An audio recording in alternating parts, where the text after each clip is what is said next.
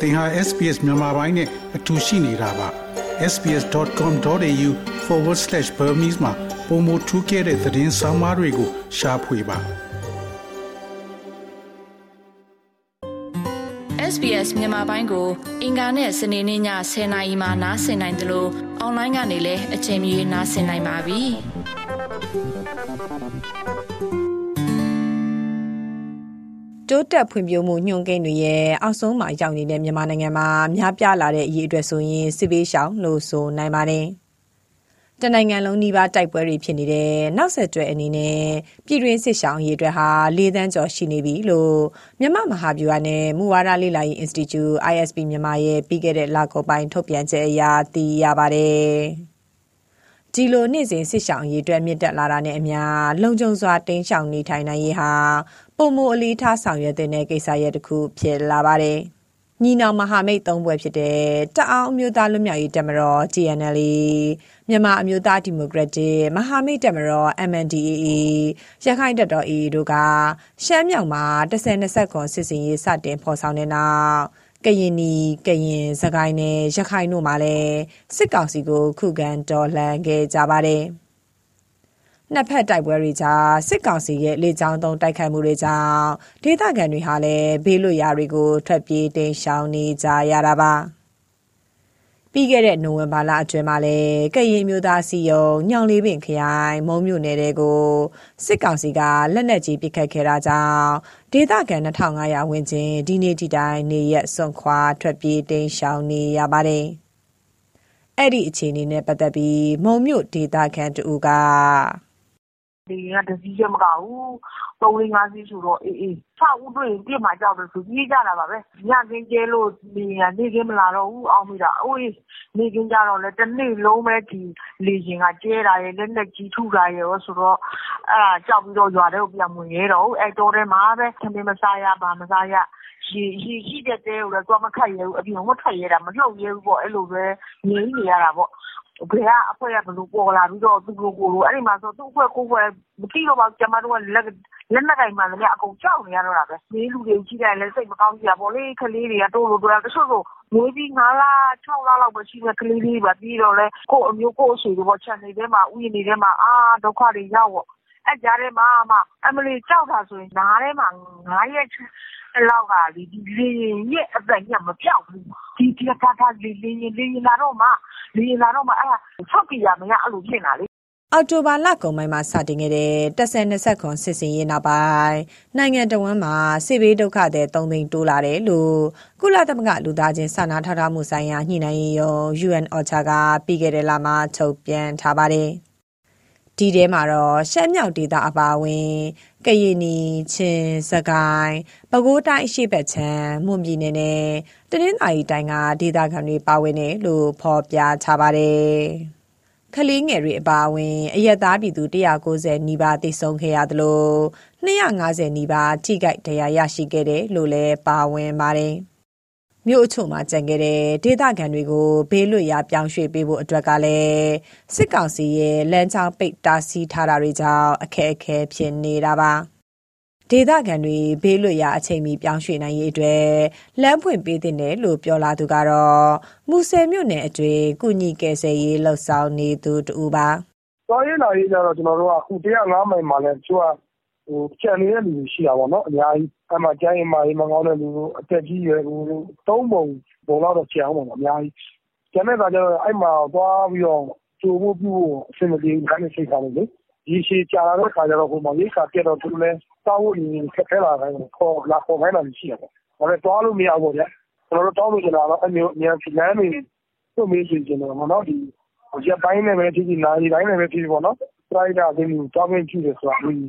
ချင်တာပေါ့အဲ့ဒါကျွန်တော်တို့ကလည်းကြေရပြရတာနေပေါ့နော်ဟိုစိတ်မိနေတဲ့လူတွေခုချိန်ကြီးကြံနေသေးတာအချို့ကဘလို့မှဆက်တယ်များတဲ့ခါကျတော့ဟိုတေလားရှင်လားလည်းမသိရတဲ့ခါကျတော့အားလုံးက ချိုးရင်နေကြတာပေါ့အဲ့လိုကျွန်တော်တို့အဲ့ဒါအဓိကတော့လို့ရတယ်အဲ့ဟာကိုတွားပြီးတော့ပြင်ချင်တယ်ပြင်ထုတ်ချင်တယ်တဆယ်20ခွန်စစ်စင်ရင်နောက်စစ်ရှောင်ဘဝရောက်ရတဲ့လူဦးရေ3သိန်းကျော်တဲ့သုံးပုံတပုံကစကိုင်းတိုင်းဒေသကြီးကဖြစ်တယ်လို့ ISP စီးရင်တွေအရာသိရပါတယ်။စစ်ရှောင်ရေးအတွက်ဟာစကိုင်းတိုင်းဒေသကြီးမှာတသိန်းကျော်ရှမ်းမြောက်မှာ9000ရခိုင်နဲ့ကရင်ပြည်ဘက်တွေမှာ4000ကျော်စီတိုးလာတာဖြစ်တယ်လို့ဖော်ပြထားပါတယ်။ ကြအပြင်မြန်မာနိုင်ငံရဲ့မြို့ပေါင်း330ရှိတဲ့အနက်220မှာကြိုက်ပွဲတွေဖြစ်ပွားနေတယ်လို့လည်းဆိုထားပါတယ်။အာနာသိန်းကာလ3နှစ်နီးပါးရှိလာချိန်မှာတော့တိုက်ပွဲပေါင်း1200ကျော်ဖြစ်ပွားခဲ့တယ်လို့ဒီဇင်ဘာလအစောပိုင်းမှာဖော်ပြထားချက်အရသိရပါတယ်။တဆယ်20ခွန်စစ်စင်ရေးနောက်ပိုင်းစကိုင်းတိုင်းမှာလည်းတိုက်ပွဲပေါင်း120နီးပါးဖြစ်ပွားခဲ့ပြီးမြို့သုံးမြို့ကိုသိမ်းယူနိုင်ခဲ့တယ်လို့ ဒေသခံအဖွဲ့အစည်းတွေက ထုတ်ပြန်ထားပါတယ်။ဒီလို တိုက်ပွဲတွေနှိမ့်စဉ်ရက်ဆက် ဖြစ်ပွားနေတဲ့စကိုင်းတိုင်းမှာဆိုရင် ထွက်ပြေးရတဲ့ ပြည်သူတွေအတွက် စစ်ရှောင်စခန်းတစ်ခုတောင် မရှိဘူးလို့ ဒေသခံ တက်ကြွလှုပ်ရှားသူတွေစီက သိရပါတယ်။ရင်းမပင်ဆလင်းကြီး ကျေးရွာပေါင်းစုံ လူလူတပိတ်ဥဆောင်သူတူဖြစ်တဲ့ ကိုလွမ်းသူကတော့စကိုင်းတိုင်းဒေသဟာ လွန်ပြင်ဒေသ များတယ်ပေါ့ဗျာ များတဲ့အခါကျတော့ ဒီ IDP ကန့်လို့ခေါ်တဲ့ စစ်ရှောင်ကန့်ကြီး တုတ်မပေးနိုင်တဲ့အခါကျတော့အဲဒီအရှိတော်ကိုဝင်လာရင်အနောက်ရွာကိုရှောင်အနောက်ရွာဝင်လာရင်တောင်မှာအစရှိသူရွှေ့ပြောင်းရှောင်ရတဲ့နေရာမှာတော့ဒါပြည်သူတွေအနေနဲ့ရေရှည်ဖြစ်လာခဲ့ရင်တော့ဒီစိတ်အားငယ်စရာစိတ်တက်ကြစရာတွေဖြစ်တာပေါ့လေမြို့သိမ်းတွေစကန်သိမ်းတွေလုပ်မယ်ဆိုတော့မှတကယ်ကို IDP ခန့်တွေပါတွေတနည်းတကျတီးတော့ပြီးရင်လိုအပ်တဲ့အချက်လက်ကောက်ယူတာကြောရုပ်ဖြစ်တဲ့စစ်ချောင်းမဲ့ပြည်သူဥယျာဉ်ဘယ်လောက်ရှိပြီးတော့ဘယ်လိုမျိုးစီစဉ်ထားတဲ့ပုံစံမျိုးဆိုတော့ ပြည်သူတွေ ဒီအိုးအိမ်စွန့်ခွာ စွန့်ခွာရ။ဒီအပေါ်မှာ ဘာမှပြောမှာ မဟုတ်ဘူးပေါ့။သို့သော်လည်း ရှောင်တိမ်းရတဲ့ ကချင်ပြည် IDP Camp တွေ မရှိဘဲနဲ့ IDP Camp တွေကို စနစ်တကျ ပြင်ဆင်ဆောင်ရွက်မှုမျိုးကိုတော့ ဒီတော်လှန်ရေးမှာ ပါဝင်ပတ်သက်နေကြတဲ့ အင်အားစုအားလုံးကတော့ စဉ်းစားဖို့တော့ အချိန်တန်ပြီလို့ ကျနော်ပြောချင်ပါတယ်ဗျ။”စစ်ကောင်စီကတော့ လူနေအိမ်၊စာသင်ကျောင်း၊ဘုရားကျောင်းတွေ မခွဲခြားဘဲ လက်နက်ကြီးတွေနဲ့ ပစ်ခတ်တိုက်ခိုက်နေတာပါ။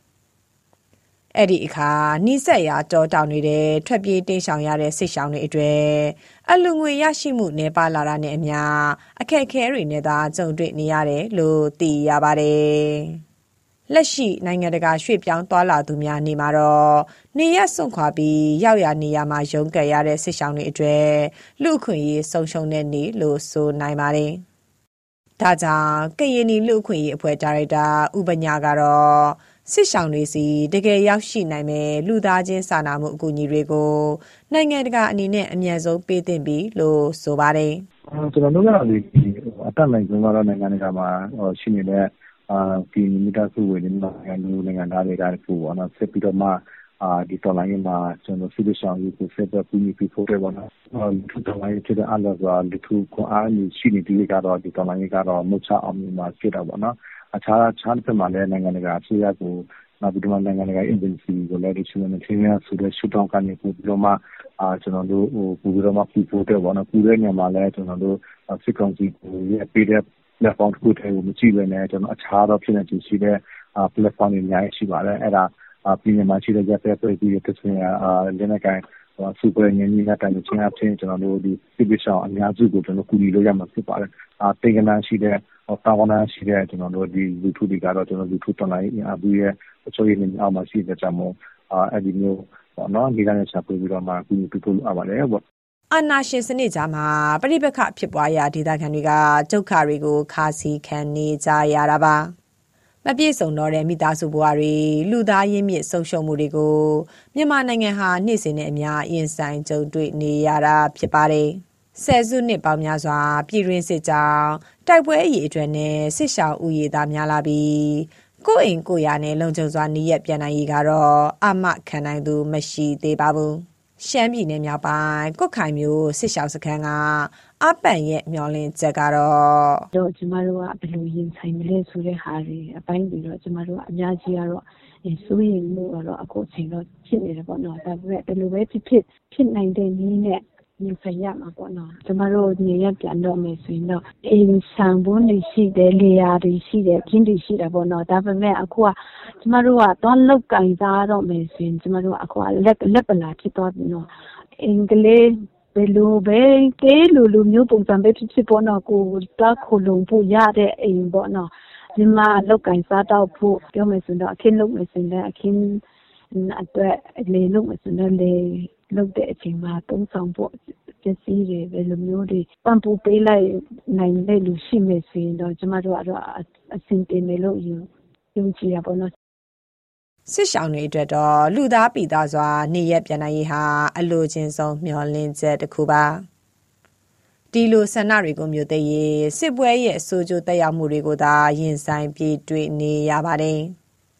လက်ရှိຫນွေဦးတော်လိုက်ရေးမှာတော့လူသားတယောက်ရဲ့အခွင့်အရေးလွတ်လပ်ခွင့်တွေကိုစတဲ့ရင် Federal Democracy စနစ်ဖော်ဆောင်ရေးခရီးကိုနောက်မဆုတ်တမ်းရှောက်လန်းနေကြဆဲပါဒီသတင်းဆောင်မကိုတန်လွင်ခက်ကပေးပို့ထားတာဖြစ်ပါတယ်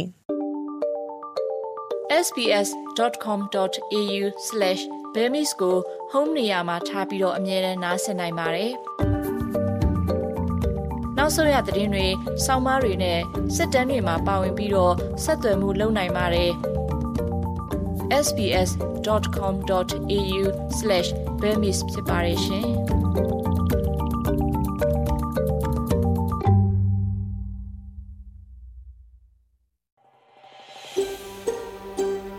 ဒါမျိုးသတင်းဆောင်မတွေကိုပိုနားဆင်လိုပါလား Apple Podcast Google Podcast Spotify တို့မှာ သင်ပင်ရာဖြစ်ဖြစ်ရယူတဲ့ podcast ကနေပါ